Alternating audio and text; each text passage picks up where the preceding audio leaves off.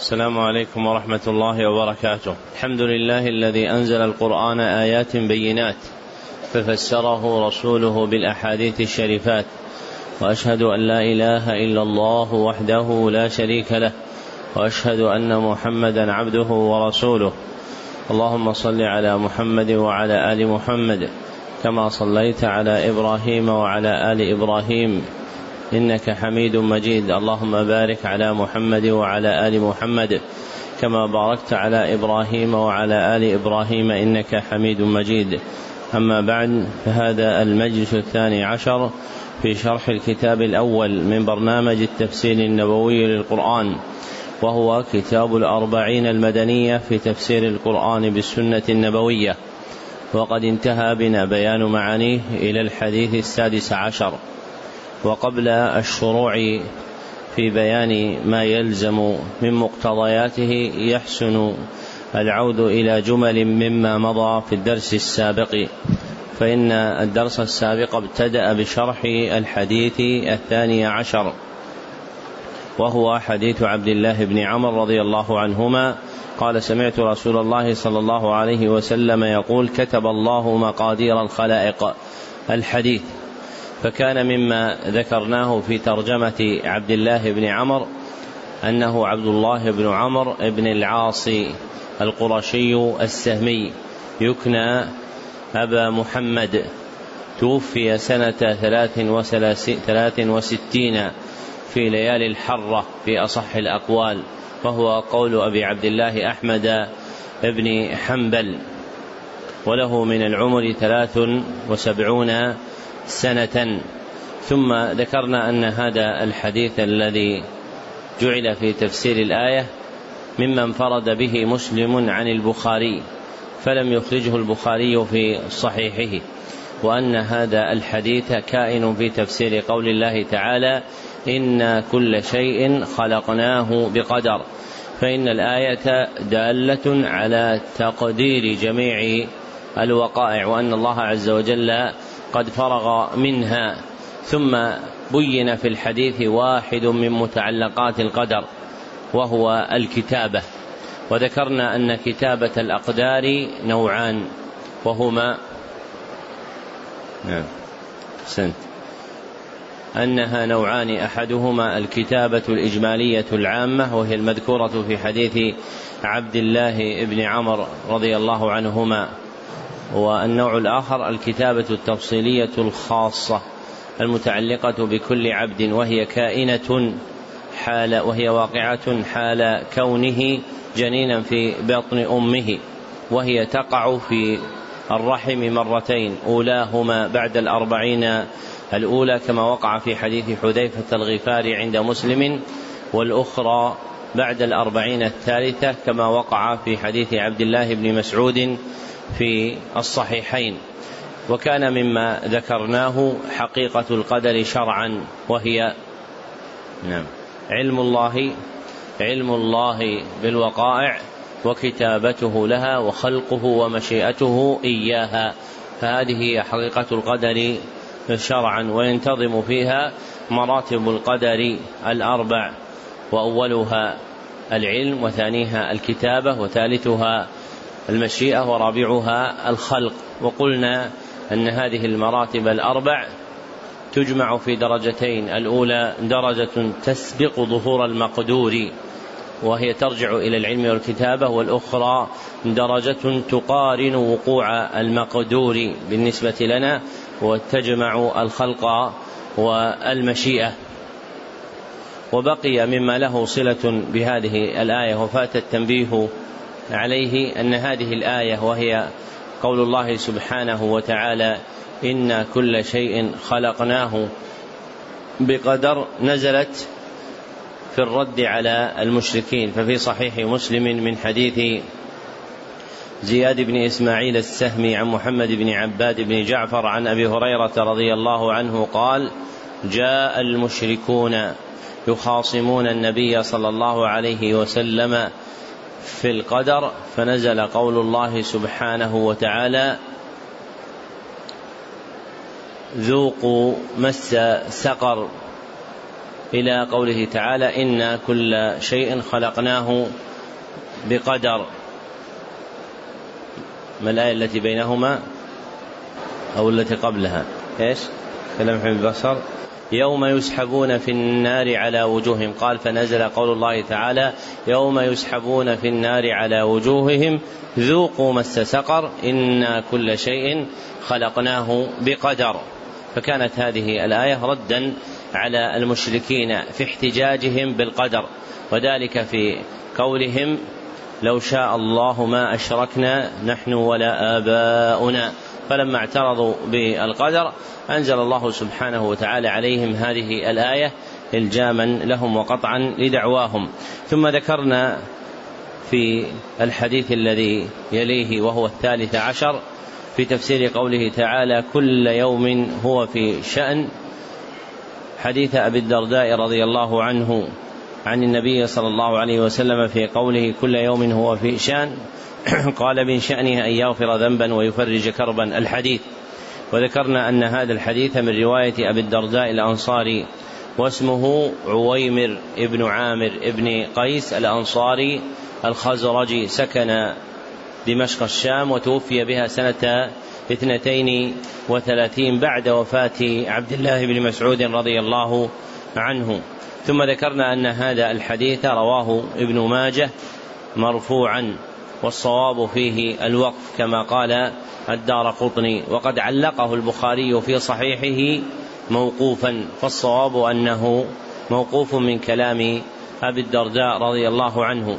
وجاء معناه عن جماعة من السلف كعبيد بن عمير ومجاهد بن جبر. فمعنى قول الله سبحانه وتعالى كل يوم هو في شأن أي مما يدبره سبحانه وتعالى من تفاصيل القدر. قال عبد الله بن طاهر شؤون يبديها لا يبتديها أي يظهرها سبحانه وتعالى لا يتجدد علمه بها بل علمه سبحانه وتعالى بها سابق لكن يبديها ويظهرها للخلق سواء فيما يتعلق بالحكم القدري أو بالحكم الشرعي.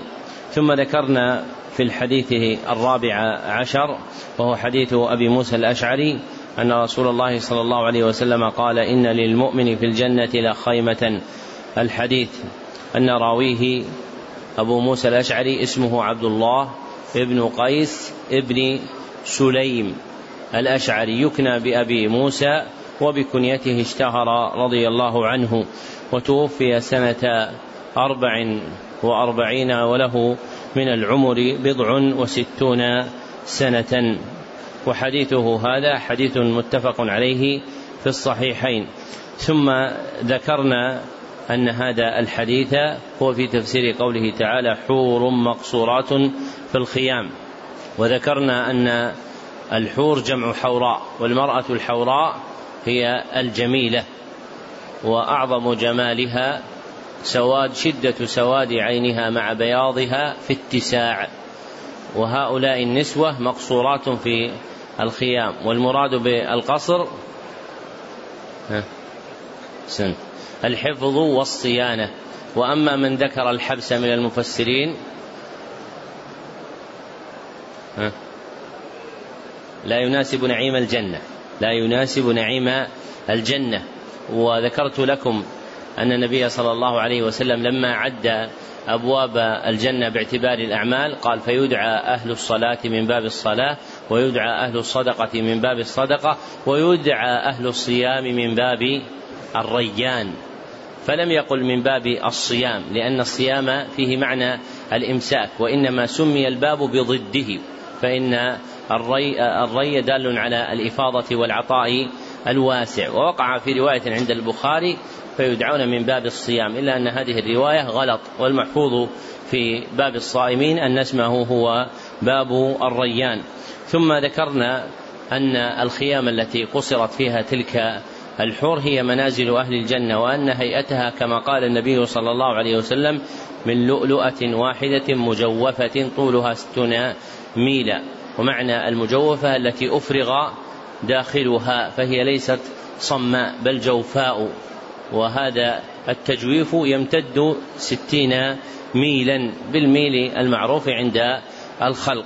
ثم ذكرنا بعد ذلك أن قول النبي صلى الله عليه وسلم للمؤمنين للمؤمن فيها أهلون لا يعارض قوله صلى الله عليه وسلم في جزاء أول زمرة يدخلون الجنة لكل واحد منهم زوجتان يرى مخ سوقهما من الحسن. فذكرنا أن الجمع بينهما أن المؤمن الذي يدخل الجنة له زوجات كثيرات. لكن تختص اثنتان من هؤلاء الزوجات بهذه الصفة الكاملة من الجمال. ثم ذكرنا بعد ذلك في الحديث الخامس عشر في تفسير قوله ولحم طير مما يشتهون أن راويه أنس بن مالك هو أنس بن مالك ابن النضر الأنصاري الخزرجي يكنى بأبي حمزة في سنة ثلاث وتسعين عند الجمهور وقد جاوز المئة. وهذا الحديث الذي ذكر في تفسير هذه الآية رواه الترمذي في جامعه وأحمد في مسنده وذكرنا أن هذا الحديث خلط فيه الضعفاء ومن كان قريبا منهم من أهل الصدق ممن له أوهام والصواب أنه من رواية محمد بن عبد الله بن مسلم عن أبيه عن أنس بن مالك رضي الله عنه وأنه دخل عليه حديث في حديث وهذا الحديث بتمامه لا يثبت. وذكرنا أنه إنما ذكر أحمد مع الترمذي لأجل ذكر لفظه لأن الأصل أن الحديث إذا كان في الستة لا يعزى إلى غيرها إلا لمعنى مراد. وذكرت ذلك نظما في بيتين سابقين وهما جميل. لا في العزل الستة. ما يا عبد الله؟ سنت وما أتى في ستة لا يعزى لغيرها إلا لأمر عزى وما أتى في ستة لا يعزى لغيرها إلا لأمر عزى كلفظة أو قوة في سند أو نقلنا لقوله المعتمد. كلفظة أو قوة في سند.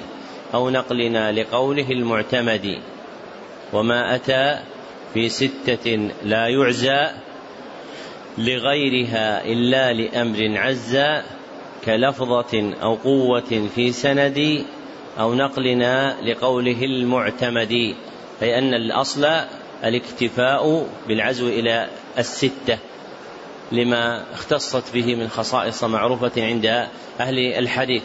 وأنه لا يعدل عن ذلك بالزيادة حال الاختصار إلا لأمر عزيز كلفظة ومنه هذا الحديث. فإن هذا الحديث عند أحمد أتم لفظا أو قوة في سند أي لكون السند الذي روي به خارج الستة أقوى مما روي داخل الستة. وهذا نادر ولا يقع غالبا إلا مع مسند الإمام أحمد رحمه الله تعالى لأن الأصل أن الحديث الذي يغادر الأصول الستة فهو محل نظر في قبوله لأن هذه هي أصول الإسلام. ولابن رجب رحمه الله تعالى كلام نافع في ذلك في شرح العلل وكذلك في رسالته المتعلقة باتباع المذاهب أو يكون ما نقلناه عنه مشتملا على نقل كلام له فحينئذ يعزى إليه ويقال وقال كذا وكذا فلأجل نقل كلامه عزي إليه زيادة عن الستة. وهذا الحديث هو في تفسير قوله تعالى ولحم طير مما يشتهون وفيه إن طير الجنة كأمثال البخت والبخت هي الإبل العظيمة. هي الإبل العظيمة وهي الإبل الخراسانية التي تسمى اليوم في بلادنا بالإبل الباكستانية تمييزا لها عن الإبل العربية. فهي أرفع طولا وأعظم خلقة من الإبل العربية. وذكرنا أن هذا الباب أحسن ما يروى فيه مرسل الحسن عند ابن أبي شيبة وموقوف ومقطوع من كلام كعب الأحبار رحمه الله تعالى عند ابن أبي حاتم في تفسيره وإسناده صحيح. نعم. الحمد لله رب العالمين والصلاة والسلام على ختام الأنبياء وأشرف المرسلين نبينا محمد عليه وعلى آله أفضل الصلاة وأتم التسليم. اللهم اغفر لنا ولشيخنا وللحاضرين ولجميع المسلمين. قلتم أحسن الله إليكم في كتاب الأربعين المدنية في تفسير القرآن بالسنة النبوية. الحديث السادس عشر في تفسير قوله تعالى في سدر مخضود. عن أبي أمامة الباهلي رضي الله عنه قال كان أصحاب رسول الله صلى الله عليه وسلم يقولون إن الله ينفعنا بالأعراب ومسائلهم أقبل أعرابي يوما فقال يا رسول الله لقد ذكر الله في, الشجر في القرآن شجرة مؤذية وما كنت أرى أن في الجنة شجرة تؤذي صاحبها فقال رسول الله صلى الله عليه وسلم وما هي؟ فقال السدر فإن لها شوكا. فقال رسول الله صلى الله عليه وسلم في سدر مخضود. يخضد, يخضد الله شوكه يخضد. يخضد, يخضد الله شوكه فيجعل مكان كل شوكة ثمرة. فإنها تنبت ثمرا. تفتق الثمرة معها عن اثنين وسبعين لونا ما منها لون يشبه الآخر. رواه الحاكم وصححه والمحفوظ عن سليم بن عامر مرسلا من غير ذكر لأبي أمامة رضي الله عنه. موارد القول في هذا الحديث ثلاثة. فالمورد الأول في تعريف راوي الحديث وهو صدي بن عجلان. صدي بن عجلان. ابن وهب الباهلي ويقال له أيضا الصدي بألف ولام في أوله. يكنى بأبي أمامة وبها اشتهر فهو يذكر بها غالبا ويندر ذكره باسمه. صحابي سكن مصر مدة طويلة ثم تحول إلى حمص فمات بها سنة ست وثمانين. وله من العمر مئة وست سنوات وله من العمر مئة وست سنوات رضي الله عنه. وكان من أخباره رضي الله عنه أنه كان كثير الصوم فكان لا يلفى هو وامرأته وخادمه إلا صياما وكأنه ولع بهذه العبادة رضي الله عنه لمحبته إسرار الأعمال لمحبته إسرار الأعمال. فقد ذكر في ترجمته أنه مر برجل في المسجد وهو ساجد يبكي بكاء شديدا فقال أنت أنت لو كان هذا في بيتك أنت أنت لو كان هذا في بيتك أي أنك رجل عظيم لو كان عملك هذا الذي تعمله في بيتك والصيام عبادة لا يطلع عليها. فوقعت محبتها في قلبه وكان ملازما لها رضي الله عنه وأرضاه. والمورد الثاني في تخريج الحديث وهذا الحديث عزاه المصنف للحاكم والعزو للحاكم يراد به كتابه المستدرك على الصحيحين. والحديث فيه قال حدثنا أبو العباس محمد بن يعقوب قال حدثنا الربيع بن سليمان قال حدثنا بشر بن بكر قال حدثنا صفوان بن عمرو عن سليم بن عامر عن أبي أمامة رضي الله عنه فذكر الحديث ثم قال الحاكم صحيح الإسناد ولم يخرجاه ويشبه أن يكون هذا الإسناد مقبولا لولا أنه غلط. فإن المحفوظ في هذا الحديث كما رواه عبد الله بن مبارك وغيره عن صفوان بن عمرو عن سليم بن عامر مرسلا. أخرجه ابن أبي الدنيا في كتاب صفة الجنة. فالمحفوظ في الحديث أنه مرسل عن سليم بن عامر أحد التابعين.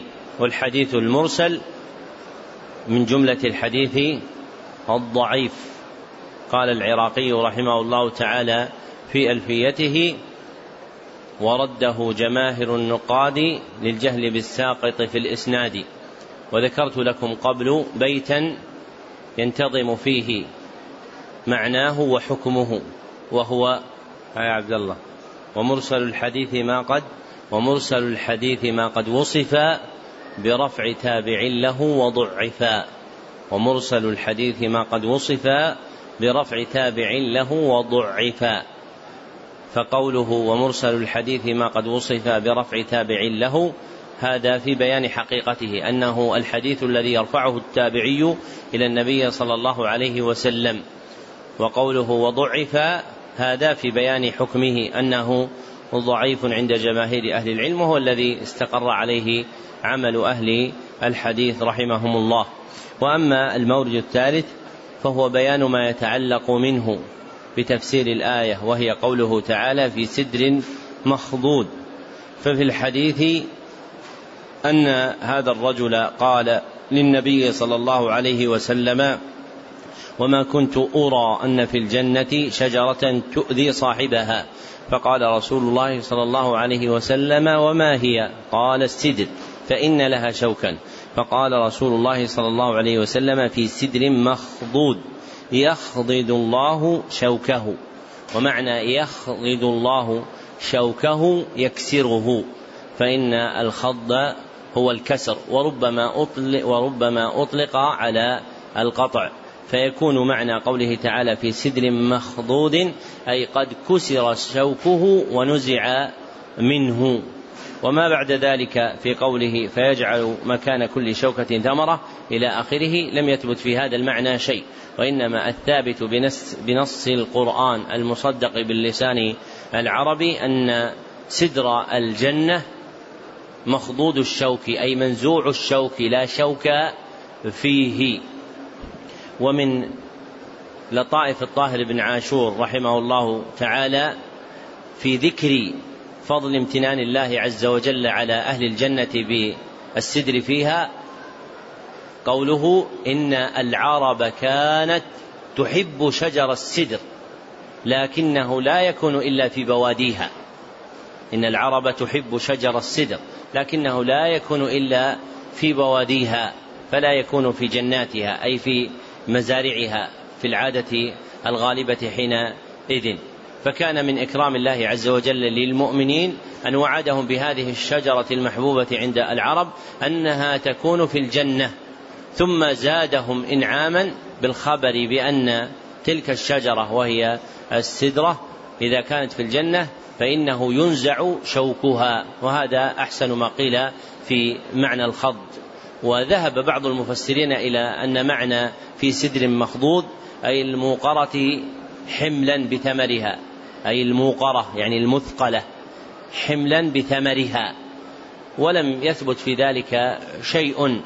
واستحسنه ابن كثير من جهة أن سدر أهل الدنيا كثير الشوك قليل الثمر.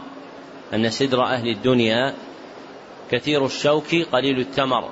فيحسن الإنعام بمقابله في الجنة بأن يكون منزوع الشوك كثير الثمر.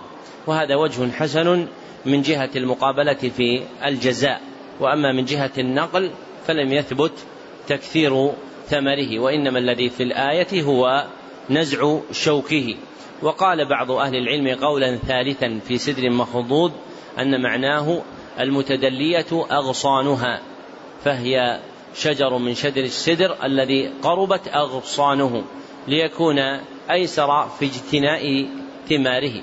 وهذا وجه حسن أيضا لكن لم يثبت ما يدل عليه من جهة النقل ولا تساعد عليه اللغة. فالمعتد به مما ذكرنا في تفسير قوله تعالى في سدر مخضود أنه سدر منزوع الشوك لئلا يؤذي المنتفع به. نعم. أحسن الله إليكم. الحديث السابع عشر في تفسير قوله تعالى وظل ممدود. عن أبي هريرة الدوسي رضي الله عنه يبلغ به النبي صلى الله عليه وسلم أنه قال إن في الجنة شجرة يسير الراكب في ظلها مائه عام لا يقطعها. واقرأوا إن شئتم. وظل ممدود. متفق عليه واللفظ للبخاري. موارد القول في هذا الحديث ثلاثة. فالمورد الأول في تعريف راوي الحديث وهو كمل. أيوة نعم أنت. سن سن أنه عبد الرحمن ابن صخر ابن عبد ذي الشرى الدوسي وذو الشرى صنم لدوس. فهم يعبدون له. فكان جده اسمه عبد ذي الشرى. فهو عبد الرحمن ابن صخر ابن عبد ذي الشرى الدوسي في أصح الأقوال. وذكرنا أن أهل العلم ذكروا اختلافات كثيرة. ها إبراهيم. ذكر القطب الحلبي أنها أربعون قولا وذكر النووي أنها ثلاثون قولا وذكر ابن حجر أنها ترجع إلى عشرين قولا وهو أشبه الأقوال بالصواب ومثل هذا اختلاف كثير في اسمه لكن المشهور عند المحدثين أنه عبد الرحمن ابن صخر الدوسي ومعرفة رواة الحديث يرجع فيها إلى من؟ إلى الفقهاء ولا المؤرخين ولا المحدثين؟ إلى المحدثين وذكرت لكم أن ابن أبي عاصم أنشد بيتا بألف بيت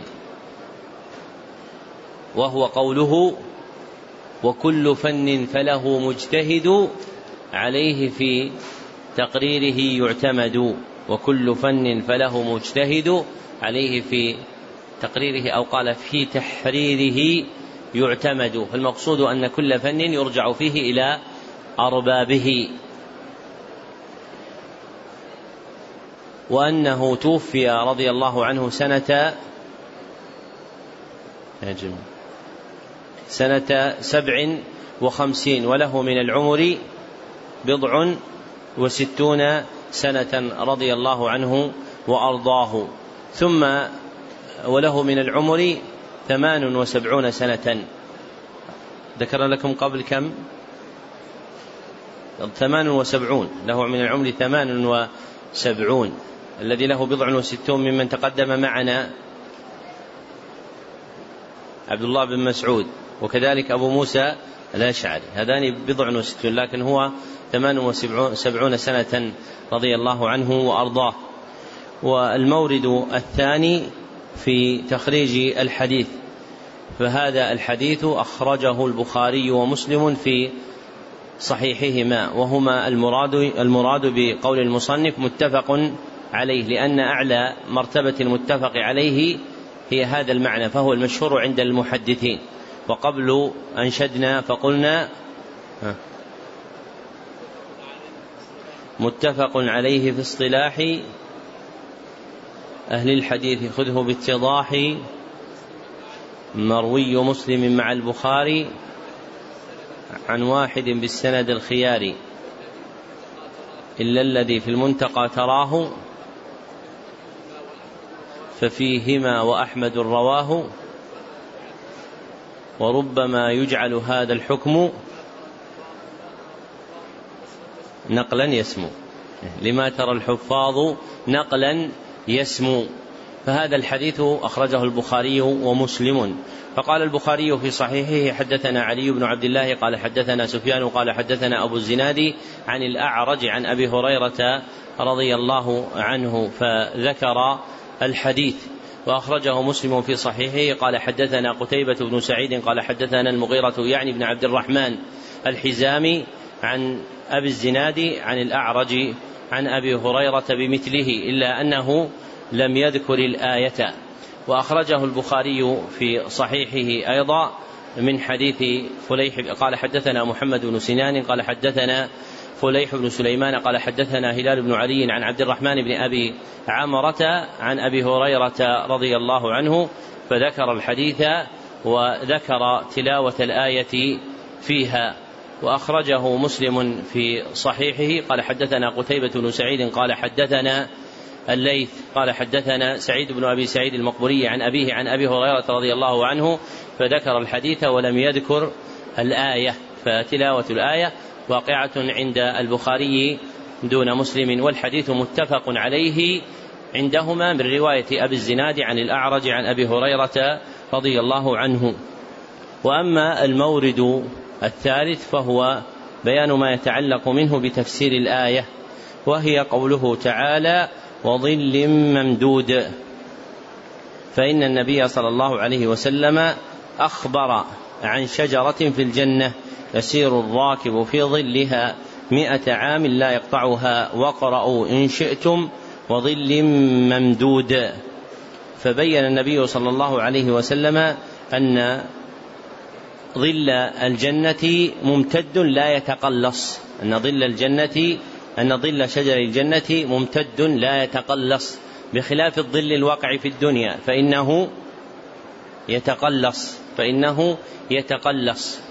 وأما ظل الجنة فهو لا يتغير ولا يتحول. كما قال الله سبحانه وتعالى أكلها دائم وظلها. والمعنى وظلها دائم أيضا. فظل أشجار الجنة وما يكون فيها من الظل لا يتحول ولا يتغير ولا يتقلص فهو ظل كامل لا يلحقه نقص. فإن قال قائل فهل في الجنة شمس؟ فالجواب نعم أحسن. لا لقول الله تعالى لا يرون فيها شمسا ولا زمهريرا. فإن قال فمن أين يأتي الظل؟ إيه لا هذا خارج الجنة. نحن الآن في الجنة. جعل الله وإياكم من أهلها. يقول الأخ حديث سبعة يظلهم الله في ظله. لكن هذا في المحشر والموقف ليس في الجنة. الجواب أحمد.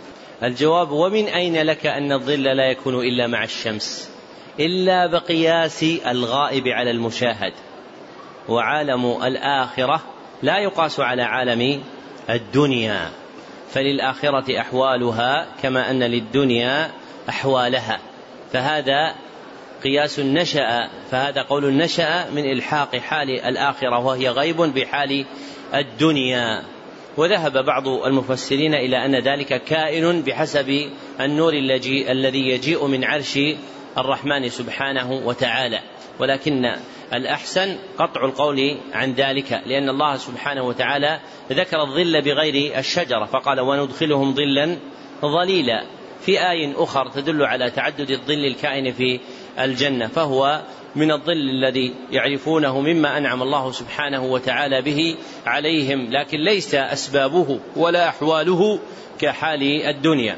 فإن الإنسان إذا خرج في الدنيا من ظل إلى غيره تمنى العودة إلى الظل. وأما في الآخرة فإن الذي يكون في الجنة لا ينقل من حال إلى حال إلا وهو يتنعم بتلك الحال. فلا تكون حال نقص ترجع على ما كان فيه اولا بالإعظام مع إنزال غيره منزلة النقص والدون. فكل ما في الجنة من النعيم هو نعيم تام كامل يتلذذ به أهل الجنة. نعم. أحسن الله إليكم. الحديث الثامن عشر في تفسير قوله تعالى وهل هذه هل هذه الشجرة هي طوبى أم لا؟ إن في الجنة شجرة. الجواب إن الأحاديث الواردة في شجرة طوبى لا تصح وإنما الصحيح أن طوبى يعني فعلى من الطيب فعلى من الطيب. فمثلا حديث أبي هريرة في صحيح مسلم طوبى للغرباء معناه فعلى من الطيب للغرباء أي كل أمر طيب هو لهم. نعم. أحسن الله إليكم. الحديث الثامن عشر في تفسير قوله تعالى هو الأول والآخر والظاهر والباطن.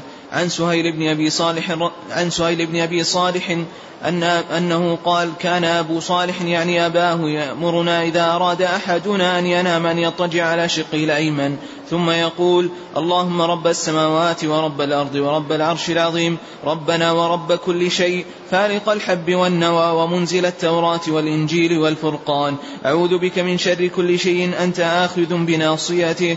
اللهم أنت الأول فليس قبلك شيء وأنت الآخر فليس بعدك شيء وأنت الظاهر فليس فوقك شيء وأنت الباطن فليس دونك شيء. اقض عنا الدين وأغننا من الفقر. وكان يروي ذلك عن أبي هريرة رضي الله عنه عن النبي صلى الله عليه وسلم. رواه مسلم.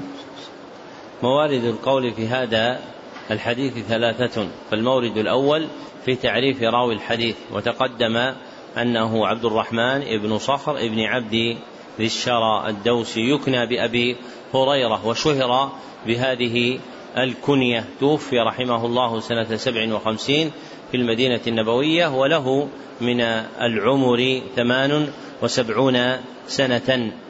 والمورد الثاني في تخريج هذا الحديث. فهذا الحديث عزاه المصنف إلى مسلم فهو من أفراده عن البخاري. قال مسلم في صحيحه حدثني زهير بن حرب. قال حدثنا جرير عن سهيل بن أبي صالح فذكره. وأخرجه مسلم في صحيحه أيضا. قال حدثني عبد الحميد بن بيان الواسطي. قال حدثنا خالد يعني الطحان عن سهيل بن أبي صالح فذكره قريبا منه.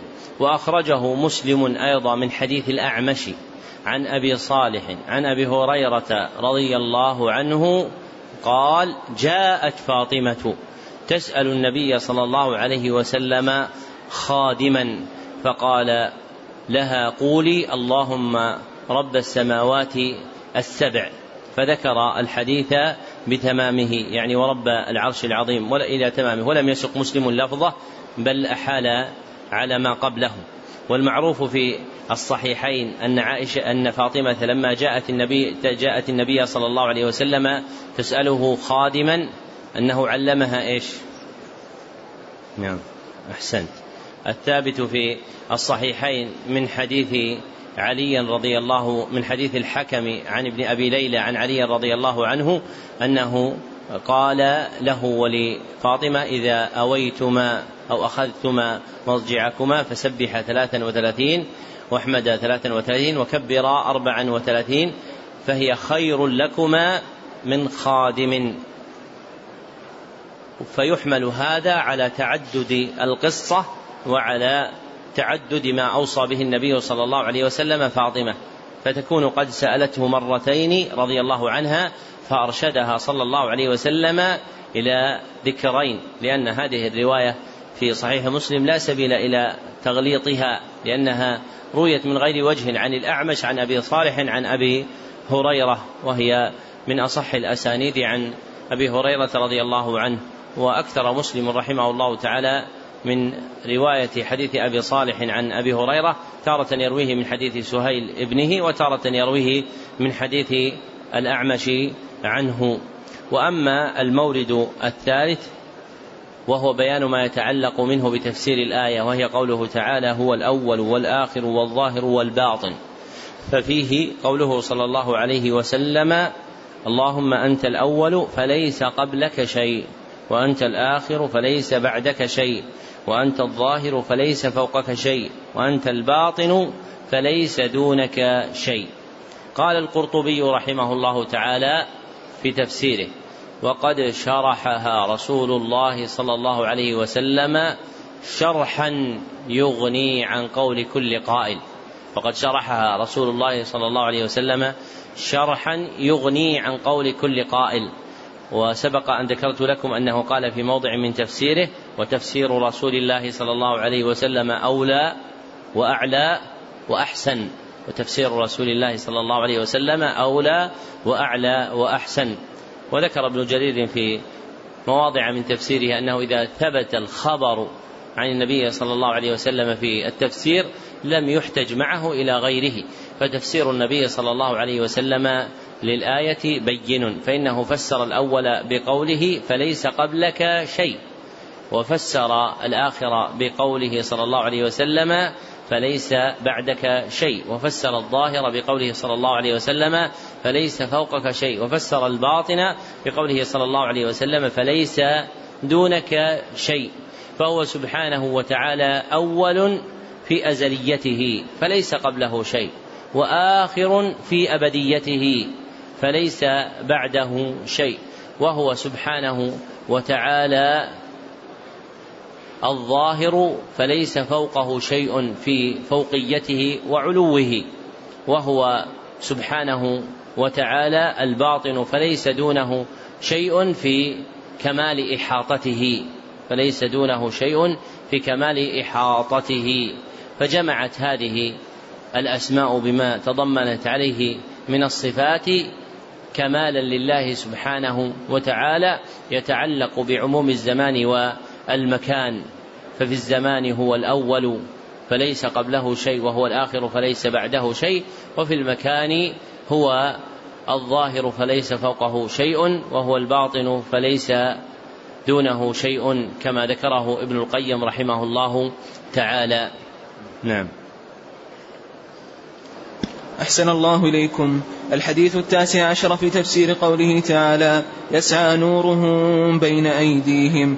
عن, عن ابن مسعود رضي الله عنه في قوله عز وجل يسعى نورهم بين أيديهم قال يؤتون نورهم على قدر أعمالهم منهم من يؤتون, يؤتون نورهم على قدر أعمالهم منهم من نوره مثل الجبل وأدناهم نورا من نور من, نور من نوره على إبهامه من من؟ من نوره على إبهامه يطفأ مرة ويوقد أخرى. رواه الحاكم وقال حديث صحيح على شرط الشيخين ولم يخرجاه موارد القول في هذا الحديث ثلاثة فالمورد الأول في تعريف راوي الحديث وهو يكنى أبا عبد الرحمن هو عبد الله ابن مسعود ابن غافل. بغين في أوله ثم فاء ثالثه. الهذلي يكنى أبا عبد الرحمن. سكن الكوفة ثم رجع إلى المدينة فتوفي بها سنة اثنتين وثلاثين وله من العمر بضع وستون سنة رضي الله عنه وأرضاه. وأما المورد الثاني ففي بيان تخريج الحديث. فهذا الحديث عزاه المصنف إلى الحاكم يعني في مستدركه. وهذا الحديث أخرجه الحاكم في مستدركه. قال حدثنا أبو بكر ابن إسحاق قال حدثنا قتيبة بن إسماعيل قال حدثنا أبو بكر ابن أبي شيبة قال حدثنا عبد الله بن إدريس عن أبيه عن المنهال بن عمرو عن قيس بن سكن عن عبد الله يعني ابن مسعود رضي الله عنه فذكره. وهذا الحديث مما رواه الحاكم من طريق ابن أبي شيبة في مصنفه فإن هذا الحديث رواه ابن أبي شيبة في مصنفه وزاد فيه بعد الجملة الثالثة ومنهم من نوره كالنخلة بعد قوله منهم من نوره مثل الجبل قال ومنهم من نوره مثل النخلة فيشبه أن يكون هذا ساقطا من نسخة المستدرك لأن نشرات المستدرك كلها سقيمة ولم يطبع بعد طبعة قويمة فلعله سقط من هذه النسخة من المستدرك التي بأيدي الناس. فإنه بتمامه في كتاب المصنف. فإن قيل إن أبا بكر ابن أبي شيبة أقدم من الحاكم والحاكم رواه من طريقه فلماذا عزي إلى الحاكم ولم يعزى إلى مصنف ابن أبي شيبة؟ فما الجواب؟ الجواب أن المحدثين يذكرون عند نوع الصحيح بعد البخاري ومسلم الكتب التي التزم أصحابها تخريج الحديث الصحيح فيذكرون صحيح ابن خزيمة وابن حبان ومستدرك الحاكم ويرون فضل العزو إلى هذه الأصول لأن أصحابها اشترطوا الصحة فيما يسندون منها فلأجل كونهم اشترطوا ذلك صار العزو إليهم دأبا. إذا فقد الحديث بعد إذا فقد الحديث من الكتب الستة والمسند الأحمدي فإنه ينظر في كتب الصحاح كصحيح ابن خزيمة وصحيح ابن حبان ومستدرك الحاكم فيعزى إليها. فهذا الحديث رواه الحاكم في مستدركه وهو ممن التزم الصحة فيما يرويه من الأحاديث وإن كان وقع له مخالفة معروفة فيما يذكره. فقدم العزو إليه. وهذا الحديث إسناده جيد. وهذا الحديث وهذا الحديث إسناده جيد. فرواته ثقات فرواته ثقات إلا المنهال بن عمر راويه عن قيس بن السكن فإنه صدوق إلا المنهال بن عمر راويه عن قيس بن السكن فإنه صدوق وما عداه فإنه من الثقات المشهورين. ومثله لا يقال من قبل الرأي. لماذا؟ لماذا مثله لا يقال من قبل الرأي؟ سنت لأنه خبر عن غيب يكون في الآخرة والخبر عن الغيب لا يكون برأي وإنما يكون بعلم وعلم أصحاب النبي صلى الله عليه وسلم هو مما أخذوه عنه صلى الله عليه وسلم. ما لم يعرف بأن الراوي أخذ عن أهل الكتاب فإنه يتوقف في مرويه وينظر فيه فيكون له حكم الرفع فيسمى مرفوع حقيقة أم حكما؟ حكما. كما قال العراقي وما أتى عن صاحب بحيث لا يقال رايا حكمه الرفع على ما قال في المحصول نحو من أتى فالحاكم الرفع لهذا أثبت. فيكون هذا الحديث مرفوعا حكما. وأما المورد الثالث فهو بيان ما يتعلق منه بتفسير الآية وهي قوله تعالى يسعى نورهم بين أيديهم وبأيمانهم. ففي الحديث بيان مقادير ذلك النور لقوله يؤتون نورهم على قدر أعمالهم. أي يكون ذلك النور بحسب ما كان للعبد من العمل الصالح. فيتفاوتون في الأنوار بحسب ما تفاوتوا في الأعمال. فمنهم من نوره مثل الجبل ومنهم من نوره مثل النخلة. كما عند ابن أبي شيبة أي دون ذلك فهو نور طويل لأن النخلة توصف بالطول لكنه ليس كطول الجبل. وأدناهم يعني أقلهم نورا من نوره على إبهامه يعني على قدر إبهامه يكون على الإبهام وهو نور على الإبهام. يطفأ مرة ويوقد أخرى. يطفأ مرة يعني يذهب هذا النور الذي يكون على إبهامه يستضيء به ويوقد أخرى. وهذا النور هو كائن لهم يوم القيامة. كائن لهم يوم القيامة. لأن النور الذي ينعم الله به على العبد المؤمن نوران. أحدهما نور الدنيا والآخر نور الآخرة. فأما عموم النور فمذكور في قوله تعالى يا أيها الذين آمنوا آمنوا يا أيها الذين آمنوا اتقوا الله وآمنوا برسوله. يؤتكم كفلين من رحمته ويجعل لكم نورا تمشون به. وهذا النور الذي أطلق في هذه الآية مما يمشى به جاء ذكره في الدنيا تارة وفي الآخرة تارة أخرى. فأما في الدنيا ففي قوله تعالى أو من كان ميتا فأحييناه وجعلنا له نورا يمشي به في الناس.